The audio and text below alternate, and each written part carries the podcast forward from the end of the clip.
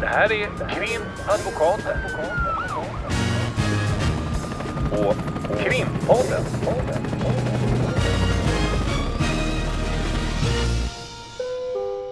Parter och ombud kallas till sal 32. Hej Lotta! Hej Ulrika! Eh, idag är det fredag och eh, då kan jag ju passa på att fråga dig hur har veckan varit? Eh, min vecka har varit eh, bra och spännande. Men eh, om vi bortser ifrån målen så är det ju som att det kokar i branschen med våra kollegor. Och då snor jag liknelsen kokar eh, ifrån vår generalsekreterare Mia Inslander som var ute i veckan och pratade om eh, det här nya med förordnandemål som det heter.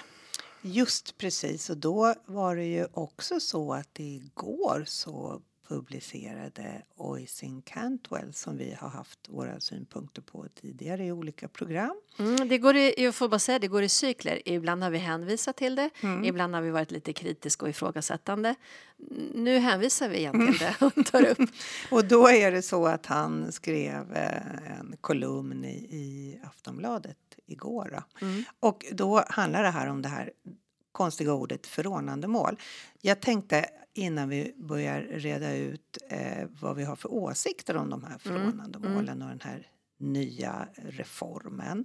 Att vi börjar med att förklara vad tusan är förordnandemål. Ja, varsågod, förklara det.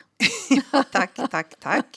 Eh, jo, det är ju så här att om en person är misstänkt för ett brott eller om en person har blivit utsatt för brott så har man ju i ganska många fall rätt att få ett biträde. En advokat Mm. krävs om det är frågan om man är misstänkt för någonting. Mm. Det funkar också att ha en jurkan, det vill säga någon som inte ännu är advokat eller advokat när man är brottsoffer som målsägande beträde. Mm. Så offentlig försvarare har vi pratat om tidigare. Det är, det är bara advokater, men målsägande beträde och även målsägande beträde för barn kan man vara även om man inte har sin advokattitel. Men det är även advokater som jobbar som det. Mm. Och eh, eh, om ett ärende då inleds med att polisen efter en anmälan eller att man kommer på platsen och ser att någonting har hänt, då inleds ju en förundersökning. Och när den förundersökningen har inletts så kan man då få rätt att få en advokat. Jag förenklar det genom att säga advokat. Mm. Eh, och då är det så att då eh, har ju vi eh, då en, en kontakt med domstolen och sen så eh, om vi är begärda eller att domstolen säger att vi ska hjälpa till i de här ärendena så får vi över att vi får ett förordnande och sen tar vi kontakt med klienten. Mm. Och sen går vi igenom vad som har hänt. Ett brottsoffer får berätta vad som har hänt. Någon som är misstänkt får berätta eh, vad som har hänt. Mm. Och sen så tar vi kontakt med polisen och sen så blir det i de allra flesta fall förhör hos polisen. Och därefter så kan det bli ytterligare förhör och det kan också vara så att man samlar in och presenterar bevisning under den här pågående förundersökningen. För vi har ju pratat väldigt mycket om häktade mål Mm. och då är det ju lite andra regler som gäller. För är man häktad så går allting väldigt mycket snabbare takt än vad det gör när I- personer inte är häktade. Inte alltid snabbare ska sägas nu när Nej, väldigt sig. många sitter väldigt länge häktade men däremot i, i mer förutsägbar eh, takt. Alltså Mm. man, man har sina deadlines på ett annat sätt och, och man kan ifrågasätta handläggningen på ett, an, på ett mer faktiskt sätt genom att man till exempel har omhäktningsförhandlingar och får besked om vad händer i utredningen. Mm. Och det gäller ju då både för den som är häktad och även för den som är målsägande i ett sånt mm, mål. exakt. Men det är ju inte så att alla eh, misstänkta personer är häktade. Eh, och då eh, är det ju så att då, då är ju inte de här tvingande, lite mer skarpa reglerna om att hålla ett tidsschema som regleras i rättegångsbalken är ju inte de reglerna som gäller när, när någon inte är häktad. Mm. Och då är det så att eh, eh, le- och man kan ju också säga när vi pratar om att då har man blivit förordnad och det blir man ju alltid. Man blir förordnad som offentlig försvarare. Det är så vi jobbar i Sverige. Och det kan ju också vara så att eh, faktiskt en person blir häktad och man blir förordnad som målsägande beträde eller som försvarare och så läggs förundersökningen ner. Och det är- Innan åtal väcks, det Innan vill att säga det alltså under för, på förundersökningsnivå man förenklar.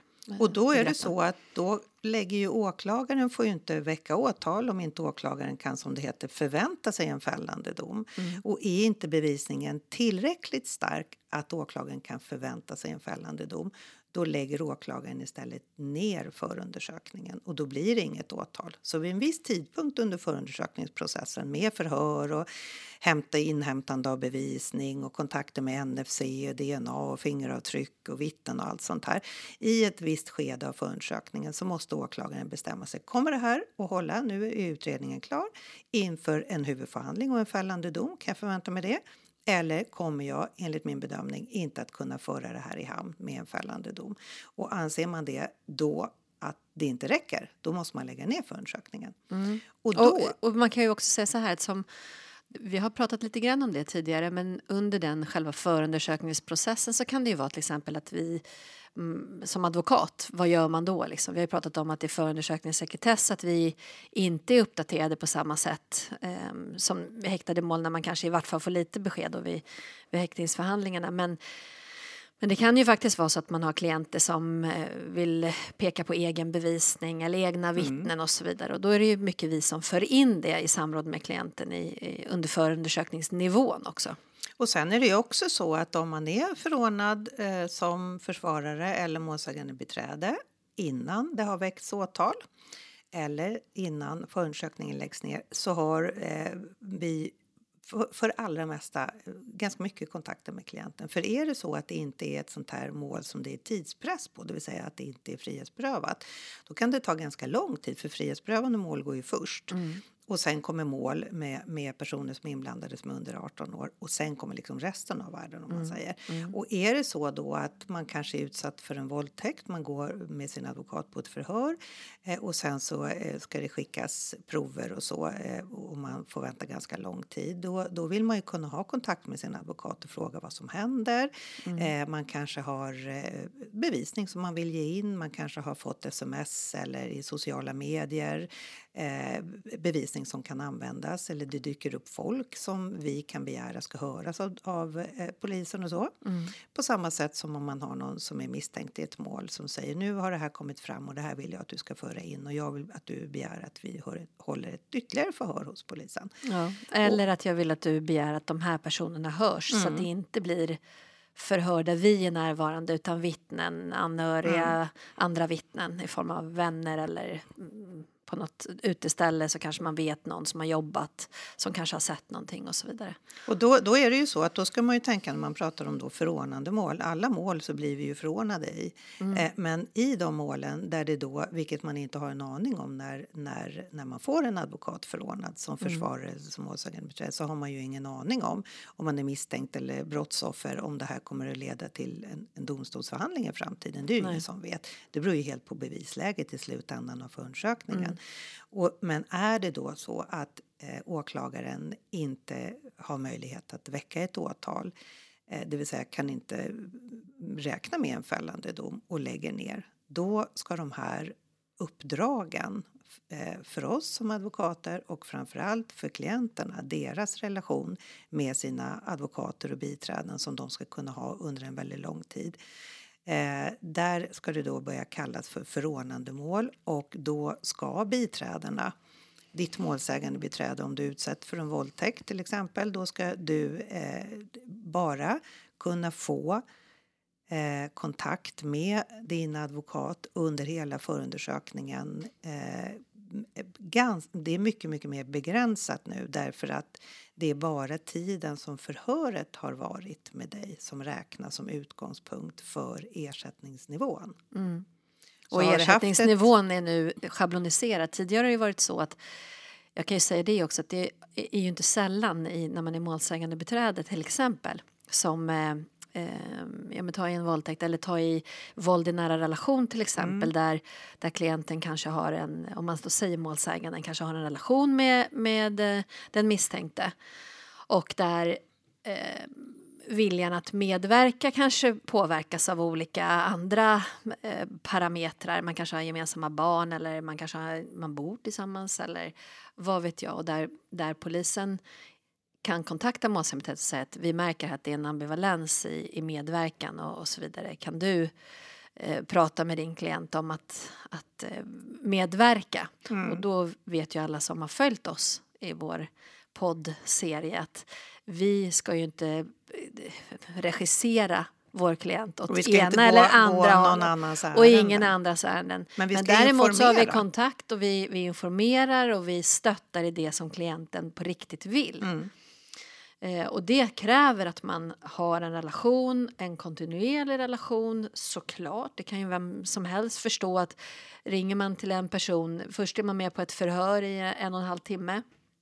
Sen händer inget som man i vart fall kan se rent handfast på, På kanske ett år. Och sen så ringer man igen. Då är det såklart att relationen ser lite annorlunda ut än så som det kanske ofta ser ut nu. Att man hörs, ja man kan inte säga något, något men kanske en gång i månaden, en gång varannan Ja, månad i alla fall. Beroende lite på ja. omständigheter Så, såklart. så tar, kontakt, tar klienten kontakt och säger vad är det som händer nu och så tar man oftast eh, kontakt med polis och åklagare och frågar Mm. lite har vi fått något resultat eller, eller så ringer polisen och säger nu ska vi, har vi fått lite resultat här, DNA-resultat Mm. till exempel, nu ska vi hålla ett nytt förhör och då har man ju givetvis kontakt med klienten.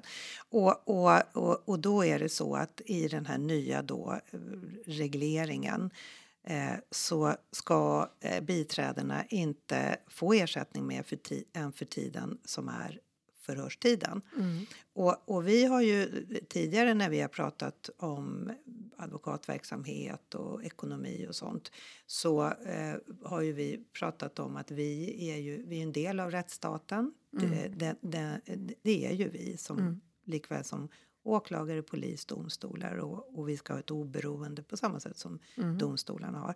Men eh, man kan ju tänka sig då att jaha, då ska advokaterna bara få betalt för, för en och en halv timme eller om det är 35 minuters förhör för de 35 minuterna enligt en schablon och inte någon övrig kontakt med klienten under kanske ett år, ibland ett och ett halvt år om det läggs ner i slutändan, vilket man alltså inte kan förutse. Nej. Då, då eh, är det ju eh, en massa advokater som, som håller på och gnäller att de inte ska få några pengar. Och det här är ju, det här är ju en, en ganska allvarlig missuppfattning. För vad det här handlar om är ju att den enskilde som kanske oskyldigt anklagas för ett brott eller den enskilde som har blivit utsatt för ett brott kommer inte kunna begära att ha den uppbackningen Nej. från sitt biträde. Nej. Det finns inte med att den personen ska få ha uppbackning från sitt biträde. Nej, för det, är- det det faktiskt är, det är ju en signal. Att nej, det ska vara, jag menar mi- framför allt det där där man kanske är försvarare så kan det ibland vara väldigt korta förhör. Men sen kan ju vi som försvarare ta fram annan bevisning och så vidare som jag sa i samråd med klienten såklart. Men som i, i ändå relativt många fall kan leda till att det faktiskt inte kan gå till åtal för det visar sig att det var inte klienten eller att det finns en annan förklaring eller att det finns en annan historia med målsäganden som, som påverkar liksom skuldbördan och så vidare. Eller att vi som målsägande beträde kan få fram bevisning därför att målsäganden har inte tänkt på att det finns en dagbok, har Exakt. inte tänkt på att man kanske har haft kontakt med olika personer i anslutning till händelsen i sociala medier. Det har inte ställts några sådana frågor. Eh, när vi blir inkopplade och, och vi med vår erfarenhet kan sondera om det finns ytterligare bevisning så kan vi ge in det så att det kan hända saker. Sen i slutändan disponerar ju bara åklagaren över om det ska väckas åtal eller inte. Så är det, men, vi, men precis när vi, när vi kommer in med vår erfarenhet men också med vårt perspektiv, för vi sitter ju alltid med ett domstolsperspektiv. Polisen sitter ju med utredningsperspektivet, det, är- det, är deras, det är deras arbete. Och vi sitter med, okej, det här ska upp för den bevisprövning som faktiskt sker i domstolen. Och där är ju vår kompetens, eh, vår expertis och vår erfarenhet. Vad, vad krävs för att det faktiskt i den praxis och i det, det som vi nu har i domstolen, vad krävs? Va, vad måste det uppgå till? Och det är utifrån det vi jobbar även i, i förundersökningen. Och då har ju vi alltid den här åklagaren absolut till sist som bestämmer men åklagaren kommer ju in mer, det är polisen som gör hela grundarbetet om man säger. I samråd med åklagaren för att de ju dubbelkollar i allvarliga mål så, så har ju åklagaren givetvis sagt ja men nu ska ni ta in det här eller Alltså det, det, de samarbetar ju på ett annat sätt men åklagaren gör ju oftast en sorts helhetsbedömning på ett annat sätt än vad vi kanske kan göra som har individperspektivet i förhållande till, till Ja, och då är det ju inte åklagaren som tar kontakt med, med den som är misstänkt eller tar kontakt med målsäganden Exakt. utan det är ju advokaten som har de Mm. kontakterna. Men då, då tänker jag så här, eh, det här är ju ett förslag som nu kommer att gå igenom under sommaren. Du var ju med och skrev Advokatsamfundets remissvar Mm. när det här förslaget kom. Nu är det här förslaget tyvärr sånt att det då kommer att gå igenom i somras. Men du kanske skulle kunna förklara vad var skälet till att den här, det här förslaget kom från början och att det kom från Domstolsverket. Vad låg bakom det här? Ehm, Det var Riksrevisionens rapport som kom för eh, ett, ett och ett halvt år sedan.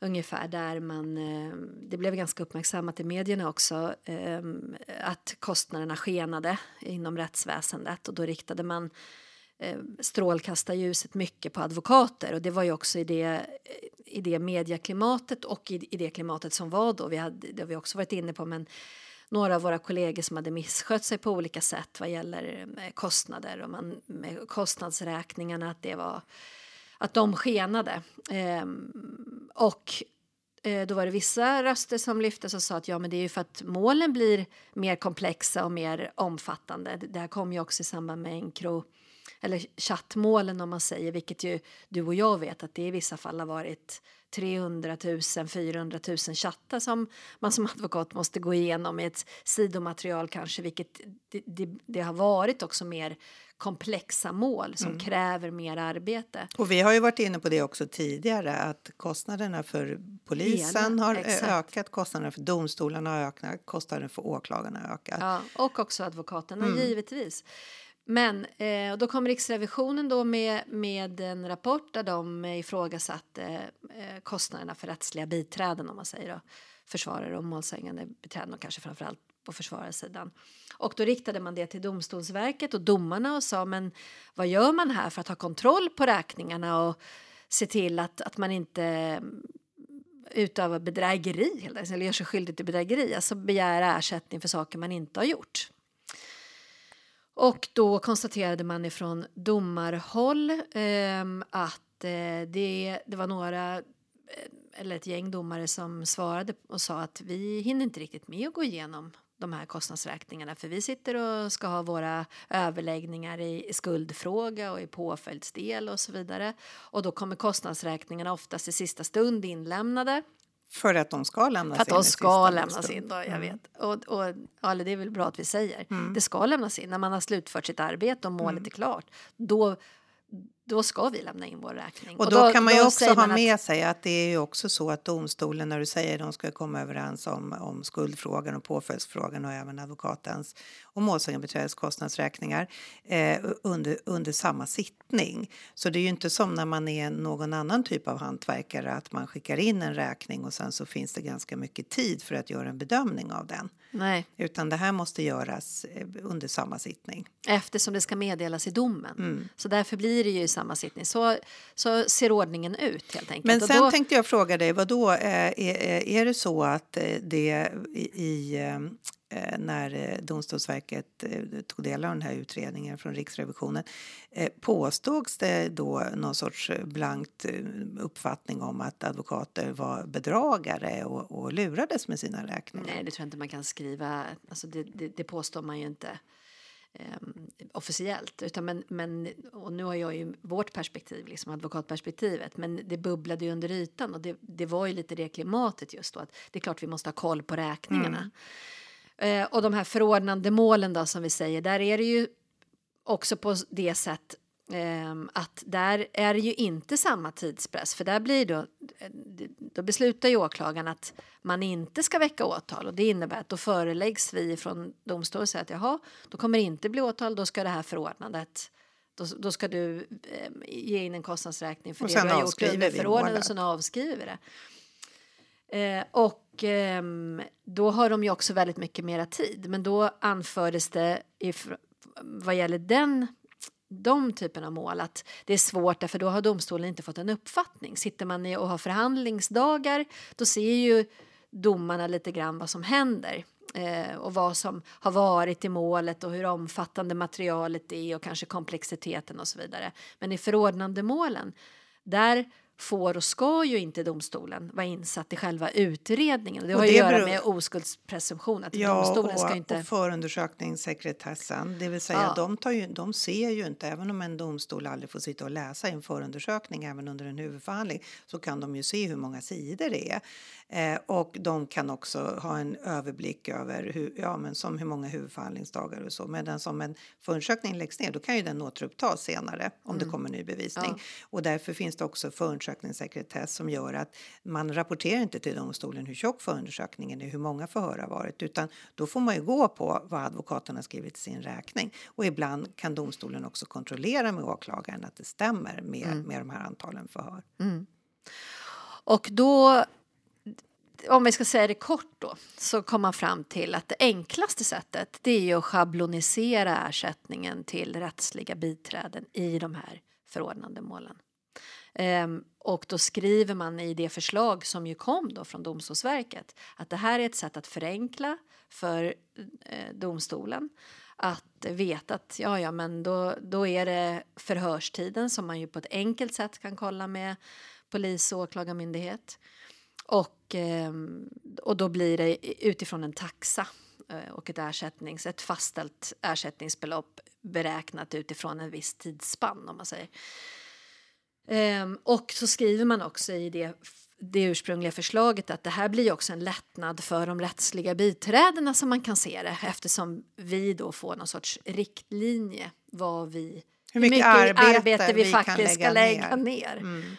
Eh, det kan man ju också ha synpunkter på. Men, men ifrån eh, mitt håll så kan man ju också tänka att man hade kanske kunnat göra så att det hade blivit legio att åklagarna skickar in en redogörelse. Det, så här har det sett ut. Eller att man eh, hade krävt att vi är tydligare med våra kostnadsräkningar. Och att vi måste utveckla mycket mer vad, vad som har varit i de olika delarna än vad, vad som kanske har varit hittills. Men då Jag skulle jag ändå vilja säga att under, eh, under årens lopp så har det också varit på det sättet eh, och det är också aktuellt eh, att Eh, om en domstol anser att en advokat har skrivit en slarvig räkning eller en räkning som de har svårt att ta ställning till. Man kanske har skrivit att man har biträtt vid ett förhör men man har inte skrivit den exakta tiden. Eh, man kanske har bakat ihop, eh, det behöver inte alls vara något bedrägligt utan den är otydlig helt enkelt. Som när man anlitar en hantverkare eh, och tittar på hur de fakturorna ser ut. Det vet jag själv och det vet du säkert De flesta. de flesta, så är det ju inte angivet i sekunder och minuter. Och då har de eh, från domstolssidan kunnat säga att det här tycker vi är, det är för svårt för oss att ta ställning till det här yrkandet därför att vi tycker att det här ser slarvigt och dåligt ut. Och då har man kunnat anmäla advokaten till Advokatsamfundet och då har advokaten hamnat i disciplinnämnden och också fått disciplinära påföljder. Ja, men dels det, men man har ju också gjort så att man då inte har fått betalt enligt med sitt yrkande. För man har sagt det här kan vi inte utläsa vad det här är. Här har varit otydligt. Här framkommer att man har eh, påstått att man har gjort saker vid ett visst datum som vi faktiskt har kollat och det har man inte gjort. Och då får man inte sina Man får pengar. inte betalt plus att man också eh, blir anmäld till Advokatsamfundet och får också en disciplinär påföljd. Ja, men så exakt. att Men idag ju ser ju kostnadsräkningarna otroligt noggranna och ordentliga ut. Absolut, absolut. Visst är det så. Vi, jag menar, de flesta av byråerna är väl nere på redogöra på minutnivå i stort sett vad, vad vi gör. Men, men jag ville bara säga att det var det som låg i det här förslaget när det kom. Och då så sa man att för att förenkla för alla parter då så eh, gör vi så att vi inför, det är vår, eller Domstolsverkets förslag att man inför taxer och den här schabloniserade ersättningen, vilket har till följd att och, och då skrev jag det här remissvaret tillsammans med, med två kollegor. Eh, som, och, och det ska man ju veta att när, när det kommer såna här saker som påverkar eh, advokatrollen och rättsväsendet och så, så, så är det ju ofta vi får sådana uppdrag ifrån samfundet att man lägger det på, på erfarna advokater att man får yttra sig över och ha sina synpunkter och då delas man upp i grupper om tre där man eh, utreder och, och, och, och skriver ett remissvar. Och, och där riktade man ju ifrån eh, Advokatsamfundet stark kritik mot det här förslaget just för att man sätter den enskilde i en situation där man eh, vad ska man säga, verkligen på ett radikalt sätt begränsar rätten till biträde under förundersökningen. Mm. Eh, på, på som jag säger, och, då, och jag tycker inte att jag tar i det, men det är på ett skrämmande sätt. Eh, därför att man eh, inte tar hänsyn till allt det arbete som, eh, som man faktiskt har gjort och som vi var inne på här. Vi, Ja, och, och var någonting. vad man som enskild människa utsatt för brott eller misstänkt för brott eh, har rätt att... Ska ha rätt Ja, till om man en, tänker i en att- demokrati och en rättsstat. Ja, och då har vi, vi har eh, försvarsadvokater som ska bistå någon som är misstänkt, skyldig eller oskyldig, eh, som ska bistå en misstänkt person. Vi har advokater och jurister som också ska bistå ett brottsoffer. Vi har den delen som en, en, en ganska trygg, får man säga, del av, av den enskildes rätt och möjlighet att göra sig hörd i den här rättsstaten som vi då representerar. Som enskild misstänkt eller som enskilt brottsoffer. Så om du då får ett målsägande beträde, om du då får en försvarare så ska du ju ha rätt att veta att den här personen också kommer hjälpa dig.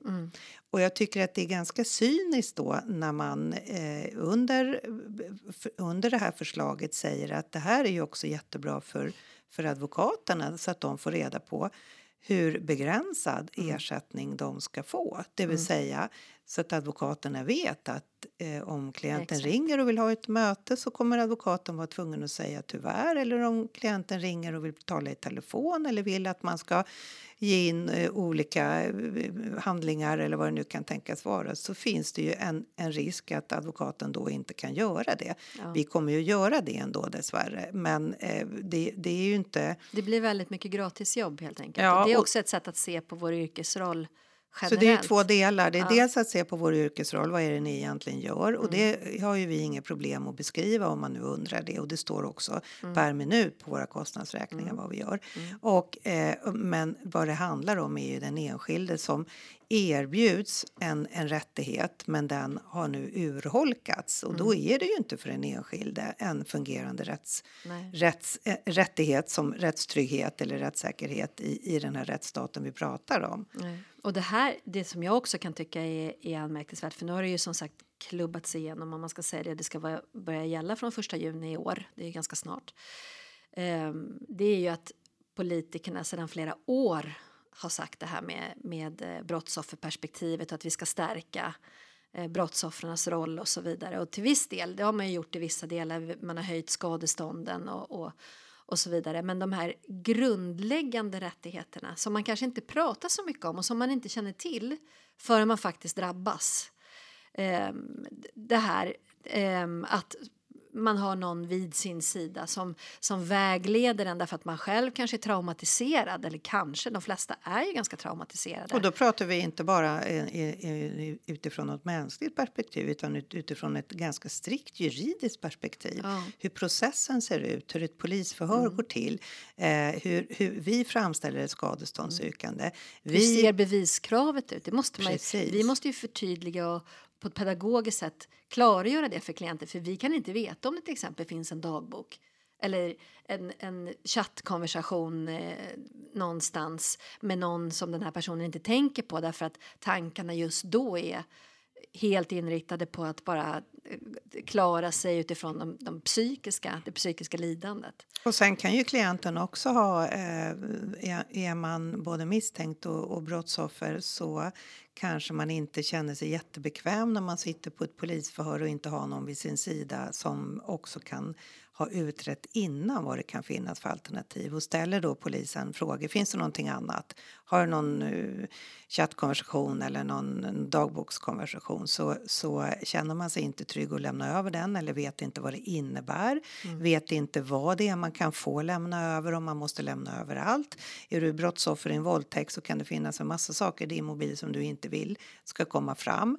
Och det kan vi juridiskt sett därför att vi står på klientens sida och det är det som är vårt uppdrag. Berätta för dem utan att polisen är, är med i det samtalet.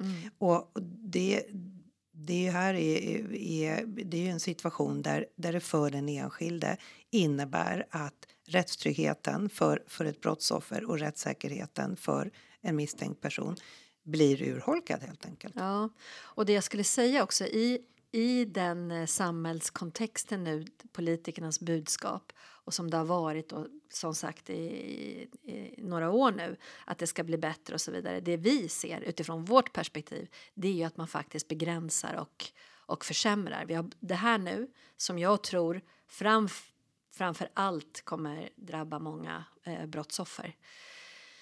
Um, och sen, och det också måste jag säga bara i en kontext där, där vi ju vet många unga tjejer som drabbas av för sexualbrott har utifrån det, det som har um, varit i medier och i diskussioner och så vidare en bild av att ja, men är det något värt att anmäla? Det kommer ändå inte leda någonstans. Där vi ju har en väldigt viktig roll. Mm. Det är min övertygelse. Uh, och där, där ser jag att det, det kommer bli en, en, en, ganska stor problematik. Men man har ju också, eh, vilket vi kanske inte har pratat så mycket om, begränsat rätten till ett målsägarbiträde i hovrätten mm. där eh, brottsoffret då blir hänvisat till åklagaren som ju inte alls har samma individperspektiv. Som inte ska ha det heller. Som inte ska ha, Därför att de ska vara objektiva och företräda staten. Ja. Plus att, det... att, det, det är inte så lätt heller för, för en målsägande som har haft ett målsägande beträde i underrätt eh, att sen ha, ha kontakter med åklagaren därför att det är, en del byråkratiska hinder mm. eh, att, att ha, fortsätta ha den mm. kontakten. Eh, och och det, det, det här är också ett, ett, en, en urgröpning av rättigheten. För jag, det, det jag reagerar på är att man säger att den här rättigheten har du, varsågod, det här är innehållet. Och, sen så, och då, då tror man från allmänhetens sida innan man drabbas av att man blir misstänkt för någonting eller att man blir utsatt för ett brott så tror man att det här är vad som finns och vad jag kan förvänta mig. Och sen ser det inte ut så. Det, det, är lite som att om man drar det lite långt kanske så kan man tycka att varför ska det förordnas målsägandebiträden och försvarare mm. där, där ändå du som individ inte kan räkna med att du ska ha den servicen som du självklart räknar mm. med. Mm. Ja, så det, det är um, oerhört problematiskt och väldigt oroväckande för um, det som vi väl kan kalla en nedmontering helt enkelt mm. av den enskildes rätt. Och advokater brukar ju inte eh, sådär gå ut och demonstrera om olika saker men, men nu har det i alla fall finns det en samling kring att vi ska protestera mot det här genom en protestlista helt enkelt mm. för den enskildes rätt mm. att ha det rättsliga biträde, försvarare eller målsägandebiträde som man kan förvänta sig. Jag, ska... Men jag, jag, får bara säga, jag tror också att för, för advokater de senaste åren så har det också varit väldigt svårt att prata om vilka följder det har när man begränsar rätten till ersättning. För det har blivit så infekterat. Alltså mm. Det har mm. blivit den här bilden, vadå ni har ju så mycket pengar, ni åker runt i era flashiga bilar och, och så vidare och så vidare. Um, och därför så tror jag att man är från advokathåll lite rädd att man ska på något sätt um, avfärda våra argument med att ja, men vadå, ni har väl tillräckligt och även kanske det här, men vadå, ni får väl det man eh, förlorar på gungorna tar man igen på karusellerna, eller hur vi säger mm. det rätt? Jag som alltid brukar ändra alla ordspråk och så. Men, eh, eh, det, det, och, och, jag tror att det är viktigt att vi i dem, vi måste prata om det. Vi måste prata om, man, det är såklart att man ska ha rätt till ersättning för sitt arbete. Så är det. Annars blir det också, och det har ju också med våra etiska regler och oberoendet även egentligen, vi måste vara oberoende i vår yrkesroll.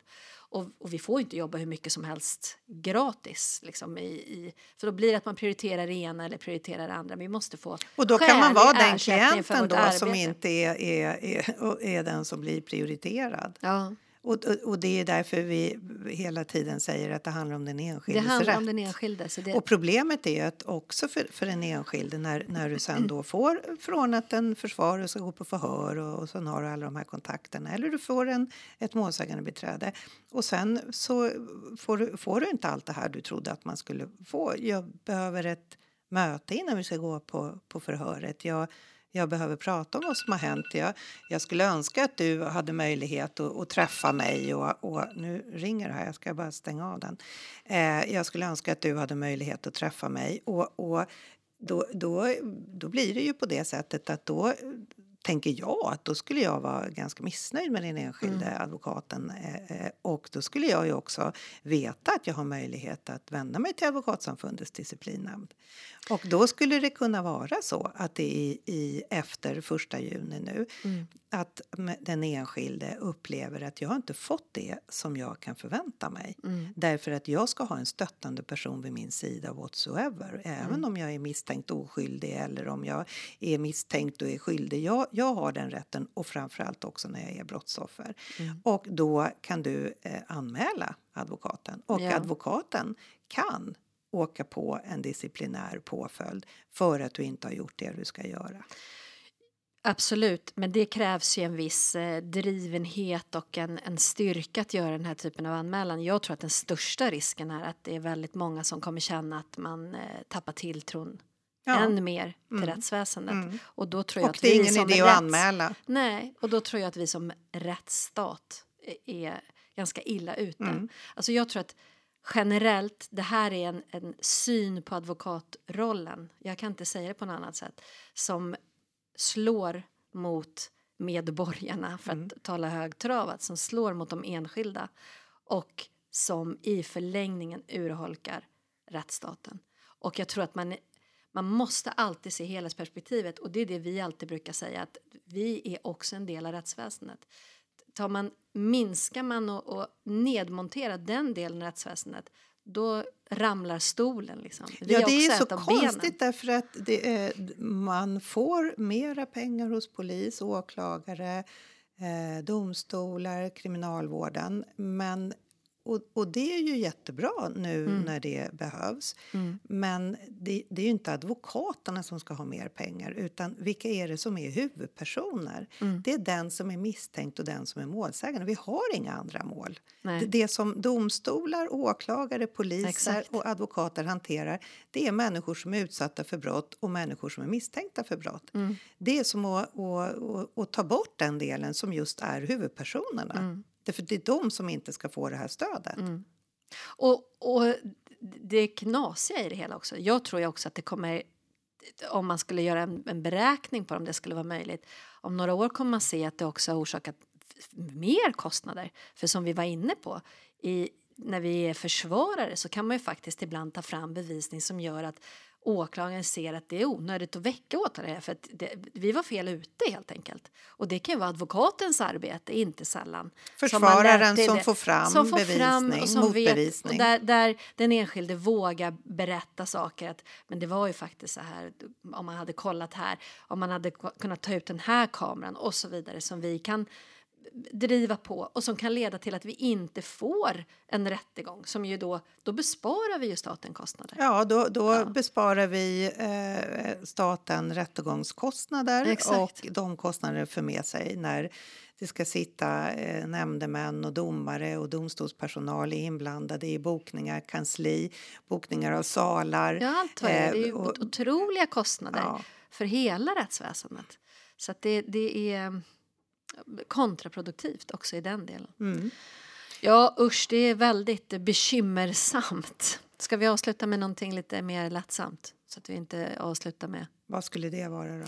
Jag tänkte vi, vi gick ut på vår eh, Instagram-sida med en sån här att man får gick, eh, skicka in frågor. Och då fick vi eh, ganska många frågor kring rent faktiska juridiska saker, till exempel eh, vad innebär livstid och, och så vidare. Och eh, vi kommer komma tillbaka till sådana frågor säkert framöver, men jag vill rekommendera våra lyssnare att gå tillbaka lite i våra avsnitt.